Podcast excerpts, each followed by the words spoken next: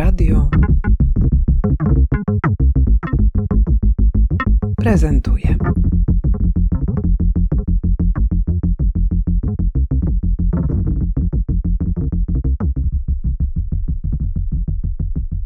Ale ja mówię o Tajwanie, ale będziemy mówić o innym zagrożeniu.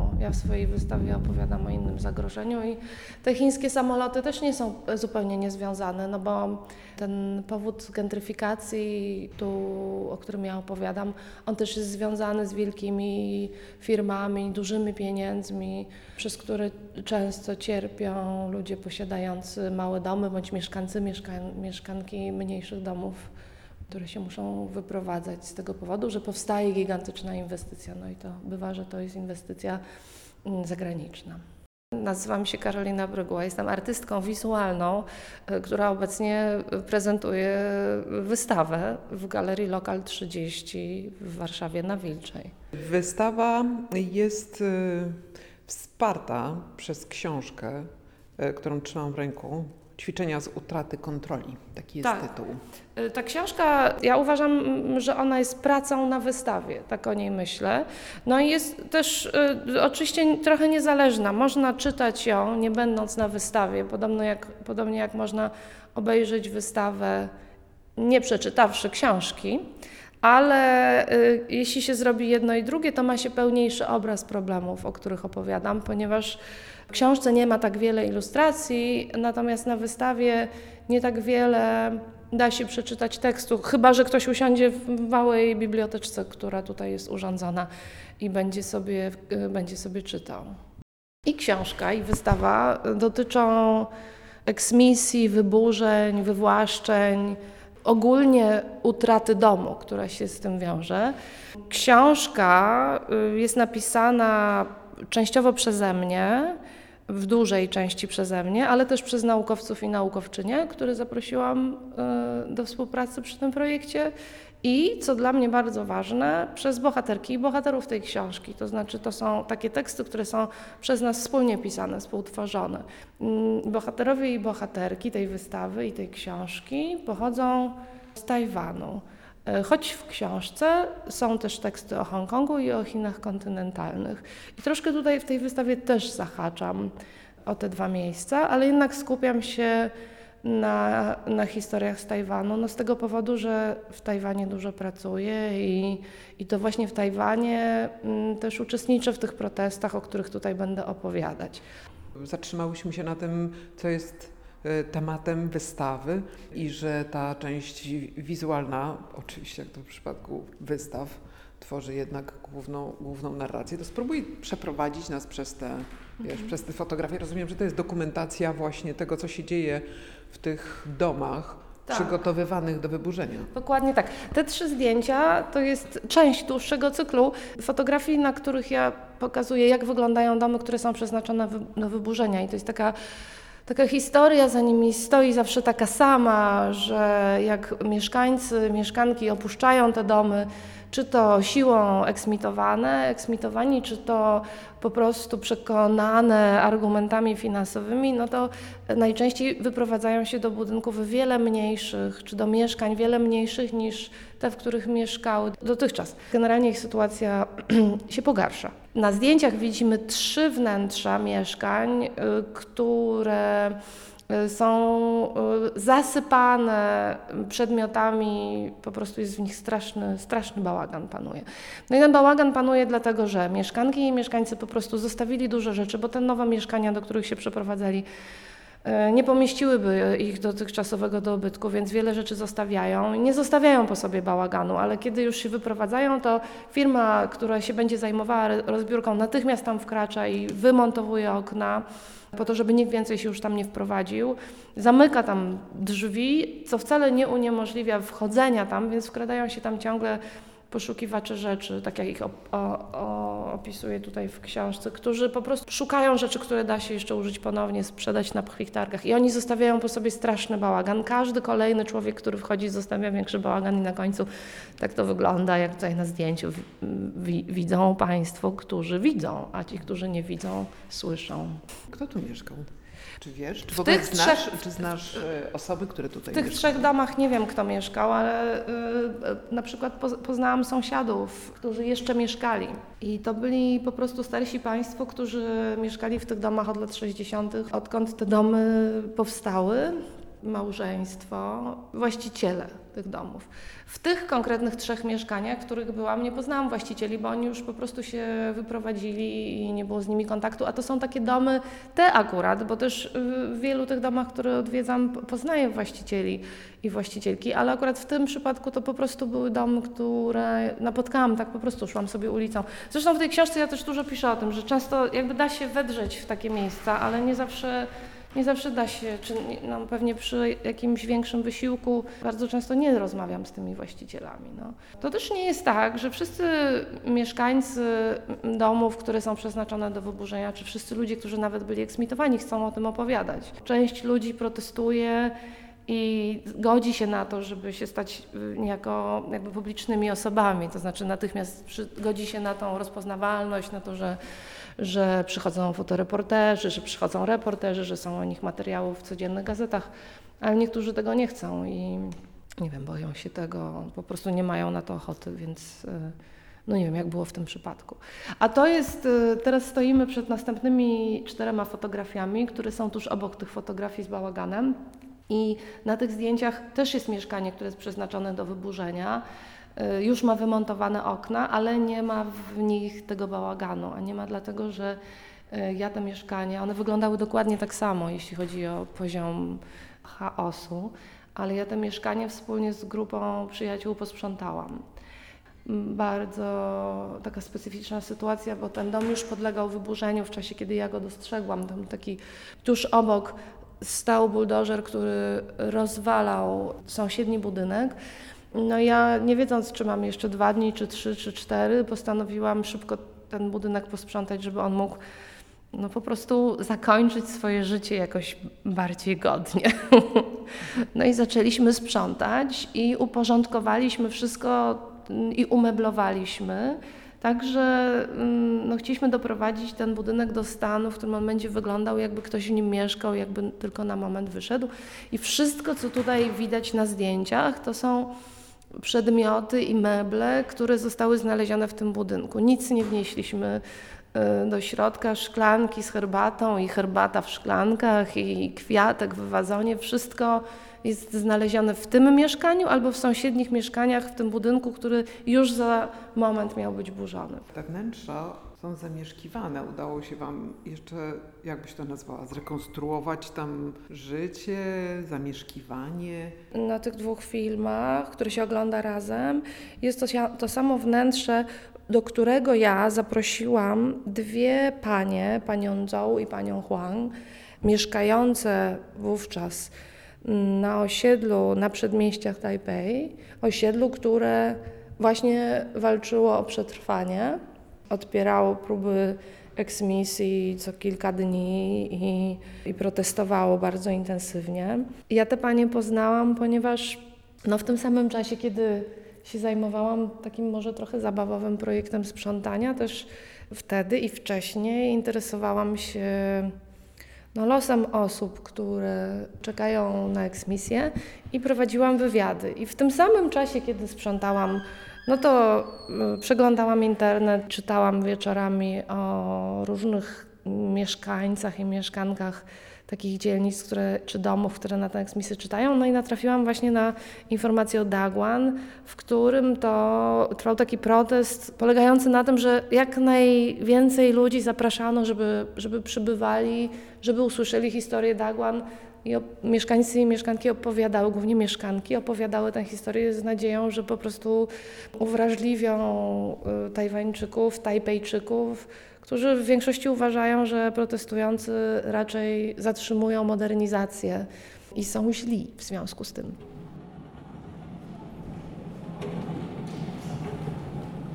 很好喝，对吧？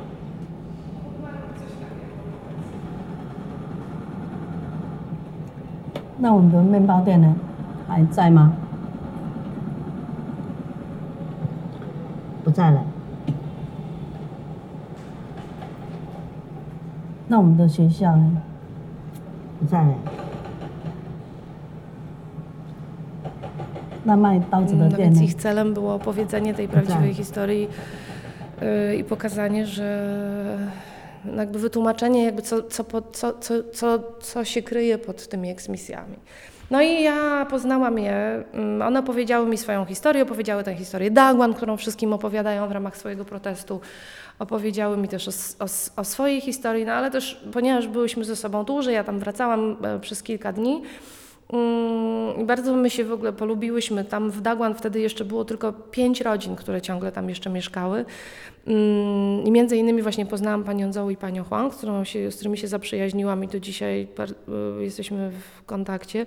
No i one y, zaczęły mi, zwłaszcza pani Huang, która ma takie filozoficzne usposobienie, zaczęła mi opowiadać o tym, jak to jest y, żyć w takim zawieszeniu i czekaniu na koniec jak to jest nie wiedzieć, kiedy wiedzieć, że, że jest się we własnym domu, ale też wiedzieć, że ten dom ma jakiś koniec, który y, nastąpi w bliżej nieokreślonym momencie. No i opowiadała o tym mm, dużo.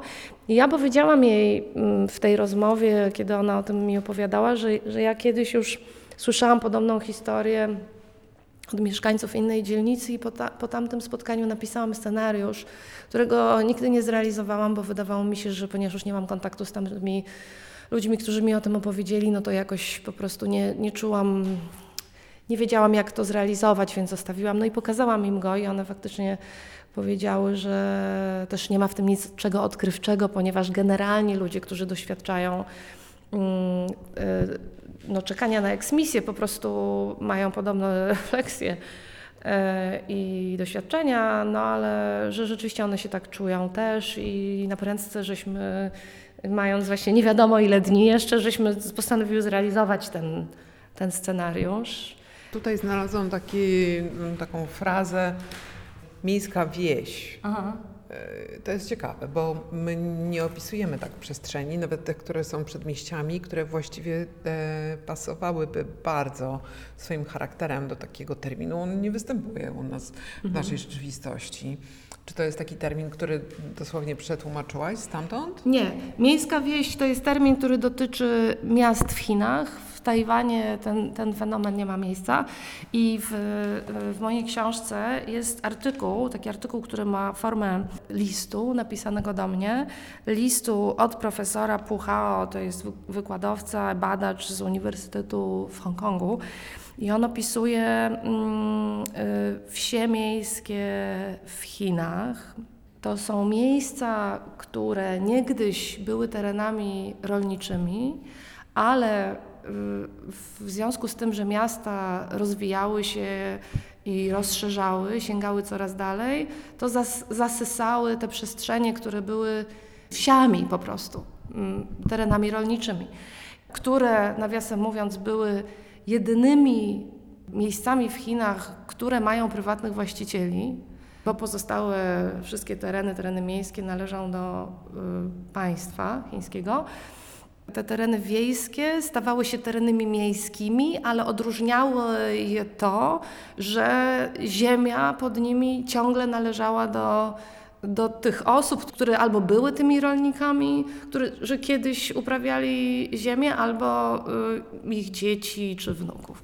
No i ciągle tak jest, że, że te przestrzenie miejskie, o których tutaj pisze Puchao, w środku miasta, które mają nieco inny charakter. Szczególnie w Shenzhen to jest widoczne, bo Shenzhen to jest miasto, które się bardzo szybko wybudowało, więc y, ono po prostu tam nawet nie było czasu na te przekształcenia. Te tereny wiejskie nagle po prostu niemal z dnia na dzień stały się terenami miejskimi.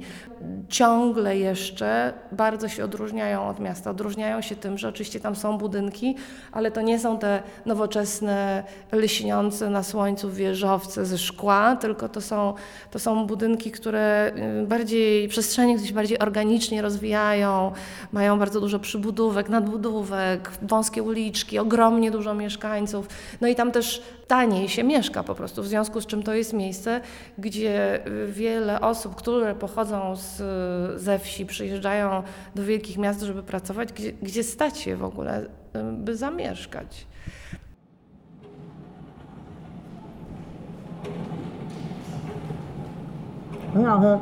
很好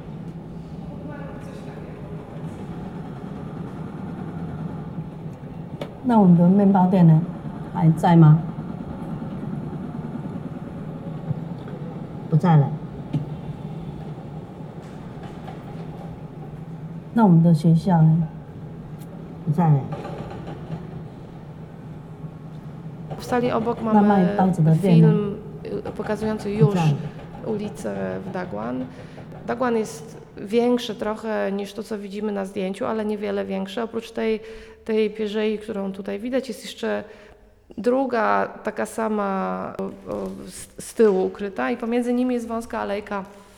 W tej alejce przed laty, kiedy pani Zoe była małą dziewczynką, był targ, taki targ sprzedający świeże jedzenie do zjedzenia na miejscu, na ciepło, na przy stoliczku. No i one dużo o tym opowiadają we wspomnieniach swoich, mimo że to jest zamierzchła historia. No i w tym filmie już nie ma żadnego scenariusza. To, co słyszymy, to, to pani Zoe i pani Huang opowiadający już własnymi słowami o doświadczeniach swoich, w swoich wspomnieniach, o tym, jak się czują dzisiaj, czy wtedy, kiedy to nagrywałyśmy i o tym, jak się czują ich sąsiedzi i sąsiadki, o, tym, o tej sytuacji politycznej, przez którą znalazły się w, takiej, w takiej pozycji i też troszeczkę mm, o, mm, o swoich emocjach związanych z tym wszystkim. I pani Huang w pewnym momencie śpiewa piosenkę, która jej się kojarzy z utratą domu. Jak to nagrałyśmy, dwa miesiące później Dagłan też zburzono, po trzech latach protestów. I te pięć rodzin, które mieszkało wtedy w Dagłan, kiedy myśmy to kręciły, musiało się przenieść. Pani Zoe i pani Huang są dzisiaj mm, nawet bardzo zadowolone ze swojej nowej rzeczywistości. A tak wygląda Dagłan dzisiaj. E, To jest dokładnie to samo miejsce. No i Dagłan wyburzano w 2018 roku, bo twierdzono, czyli zarządca tego terenu mówił, że natychmiast potrzebuje rozpocząć budowę nowej inwestycji, na którą już faktycznie są plany gotowe, oni są gotowości, żeby budować, ale nie budują. A na przykład mama pani Zoe ma 98 lat, mm, mogłaby spędzić być może ostatnie lata swojego życia w domu, a spędza je w domu, którego nie lubi. Mimo, że pani Zoe lubi, no to ona po prostu całe swoje życie niemal spędziła w tych budynkach. Więc jest bardzo nieszczęśliwa, że musiała się przeprowadzić. Więc to jest okrutne. Tak, a na tym zdjęciu widać, że tu jest z grubsza nic. Tak, no to jest pole ogrodzone metalowym płotem. Z tej strony od ulicy, ja to fotografuję oczywiście od tej ulicy, gdzie na filmie e, pędzą samochody. I, I tutaj też jest płot, ze wszystkich stron jest płot. Tam nie ma w ogóle wejścia, nie da się tego używać. E, Wszystkie gruzy wywieziono, ale widać, że tam jakieś jeszcze po prostu pozostałości kamieni. No i po prostu zarasta zielenią. Można by przynajmniej wpuścić tam ludzi, ale to jest państwowy teren, więc chwilę zwlekałam z rozpoczęciem pisania tej książki, ale w końcu zaczęłam ją pisać. No i wróciłam do pani Zoe i pani Huang i mówię, słuchajcie, no to ja teraz już piszę tą książkę, którą obiecałam wam napisać i chciałam was prosić, żebyście historię Dagłan napisały razem ze mną. I one powiedziały, że teraz minęło już trochę czasu, one już mają nowe domy i właściwie to nie tak bardzo zależy im na tym, żeby tę historię opisywać. I w sumie to wydaje mi się, że nie pamiętają już. Wykonały taki wysiłek, żeby zapomnieć. E, Pani Zoe e, mówiła bardzo dużo o tym, że nie chce już pamiętać. Ja zapytałam, jak to z tą pamięcią jest, jak to, ja oczywiście rozumiem, dlaczego one nie chcą pamiętać, ale zapytałam, jak to działa, to zapominanie. I one powiedziały mi, że, że pamiętają to trochę jak zły sen albo jak bajkę. No i ponieważ powiedziały, że pamiętają jak bajkę, to ja zaproponowałam, żebyśmy w takim razie napisały razem bajkę. I zrobiłyśmy to. To jest właściwie tekst pani Zoe i pani Huang, które mówiły, a ja byłam kronikarką, spisywałam, no i nadawałam temu może trochę taką literacką formę, ale generalnie to, to jest ich bajka, którą my później postanowiłyśmy jeszcze przekazać tajnańskiemu pieśniarzowi, tajnańskiemu, czyli pochodzącemu i pracującemu w Tajnanie na południu Tajwanu, pieśniarzowi, który nazywa się Ten Pan Tsuyaka Chiu i on gra na gitarce księżycowej i śpiewa tradycyjne pieśni, które są opowieściami miejsc, o miejscach i ludziach. Ja przekazałam mu e, tą bajkę napisaną przez nas i zapytałam, czy mógłby ją em, wyśpiewać. Musiał ją do tego bardzo pozmieniać, bo po pierwsze y, przepisał ją na taj, tajwański język, a później ją musiał zamienić w wiersz, który da się śpiewać. Trwa 17 minut. 17 minut pieśni o Dagłan. To znaczy, że cała ta historia została po wielu różnych perypetiach zamieniona w taki format, który jest łatwo przekazywalny. Tak, można ją, ona jest bar, bardzo długa, pewnie trudno ją spamiętać. Zresztą nawet pieśniarz tutaj korzysta z, z notatnika.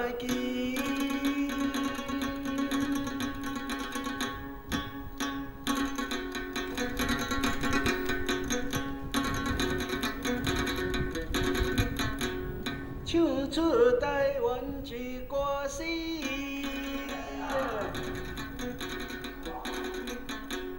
报名一场啊的传奇，头听到尾就知记，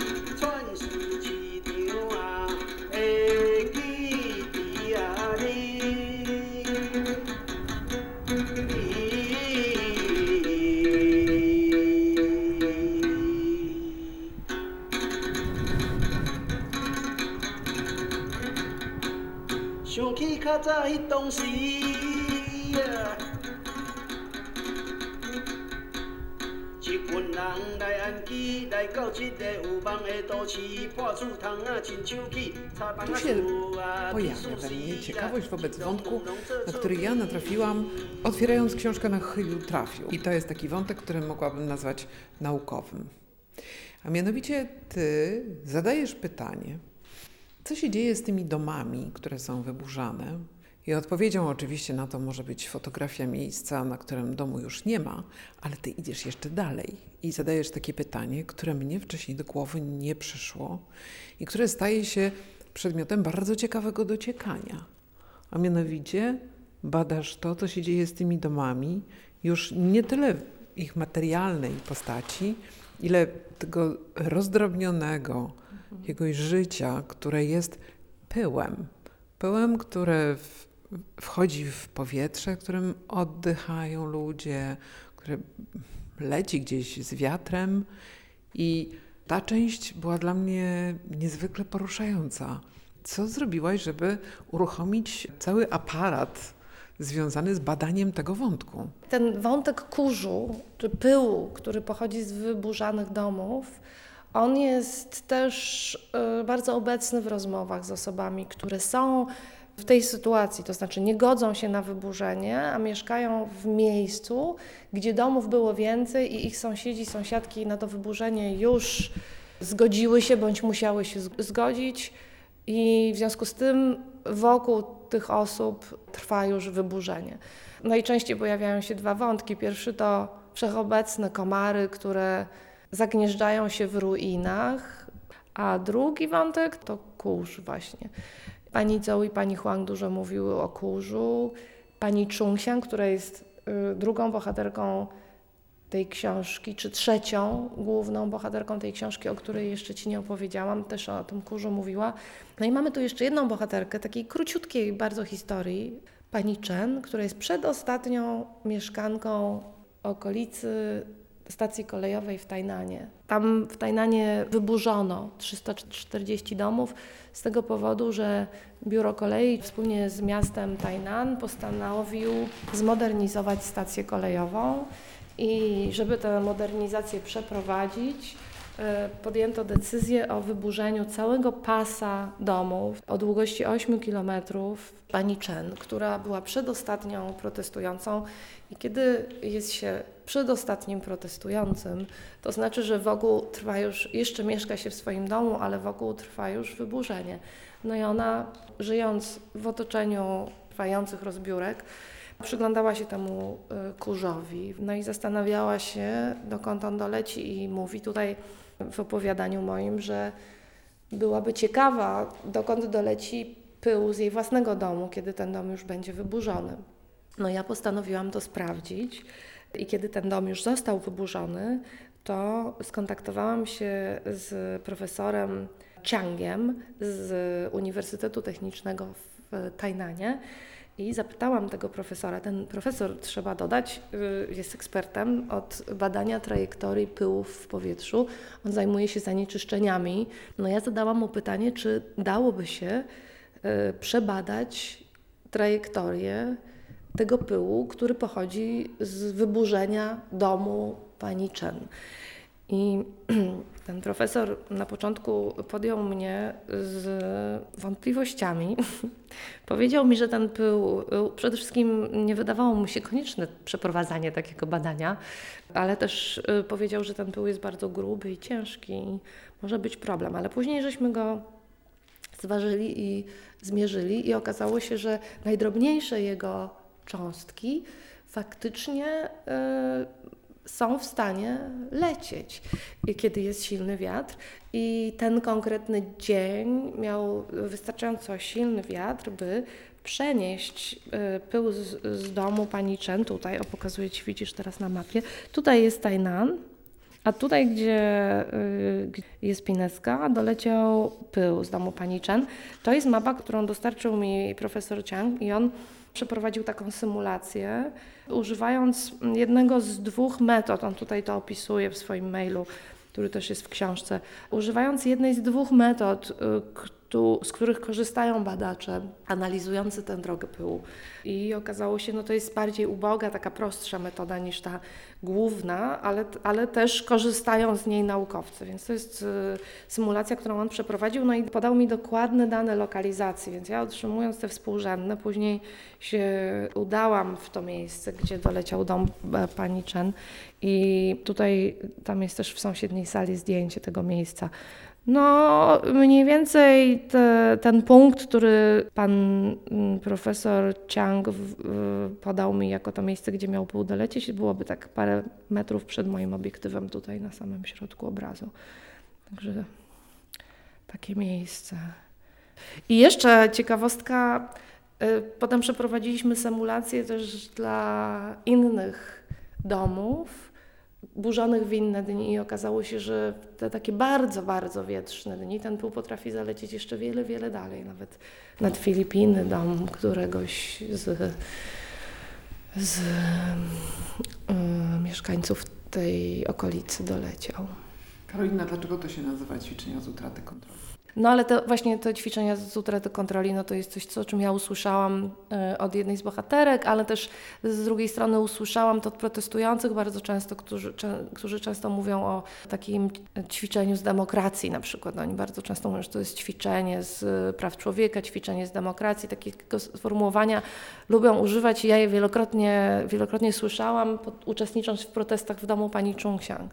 A druga rzecz, drugi powód to taki, że pani Huang nigdy nie używa tego sformułowania, ale kiedy ona mówi o tym oczekiwaniu, o tym zawieszeniu, czekaniu na, czekaniu na koniec, no to też wydaje mi się, że to jest jakiś taki rodzaj bezustannego, takiego jakby każdego dnia nowego trenowania cierpliwości, wytrwałości, niezłomności. 听到尾就知全是